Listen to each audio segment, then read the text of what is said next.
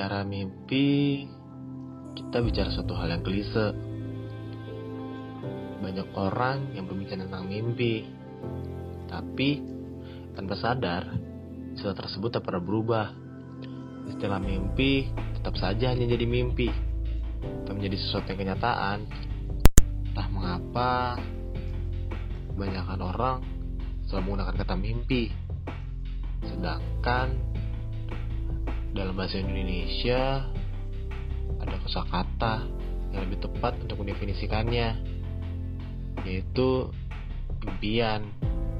Karena secara definisi mimpi adalah angan-angan sesuatu yang terlihat dalam dunia imajiner atau yang dialami dalam tidur. Sedangkan impian adalah suatu hasrat yang sangat kita inginkan sesuatu yang akan diperjuangkan untuk kita raih.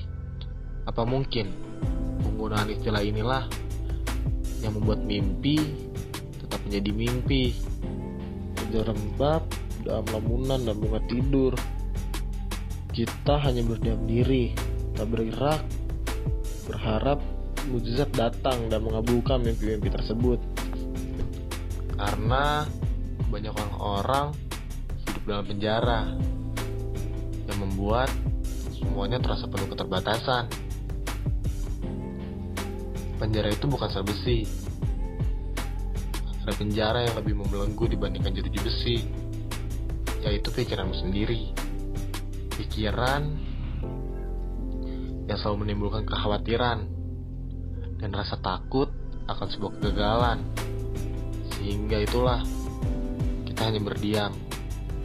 Biar nanti kita akan sampai di suatu titik sadar seperti ada di suatu tempat yang kosong, hampa, dan hanya ada kegelapan yang menyelimuti. Tak ada bisa dilihat karena saya pun enggan untuk meneranginya. Sehingga kita tak tahu mau jalan ke mana. Tak ada arah, tak ada tujuan. Seperti kapal yang kehilangan seorang nakoda di titik itu kamu juga akan tersadar akan ketidakjelasan sebuah arah dari tujuan hidup ini. Mungkin arahnya ada, namun tertutup oleh hasrat kesadaran duniawi.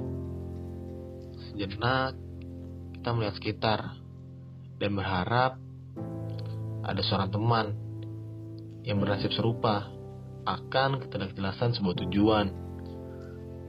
Namun, ternyata teman-teman kamu semuanya udah tidak ada. Bukan sengaja meninggalkan, tapi seiring berjalannya waktu, mereka yang dari awal sudah memiliki tujuan akan melangkah lebih dulu ke arah tersebut. Saat itu, kita harus meluangkan waktu sejenak kepada diri kita sendiri. Menapak tilas tentang hal apa saja yang sudah kita lakukan untuk menggapai impian tersebut dan hal apa saja yang membuat kita hanya berdiam di titik yang sama. Jangan jadikan dirimu hanya menjadi seorang pemeluk impian yang hanyut dalam mengenangan imajinasi, terkurung dalam pusaran nikmatnya berangan.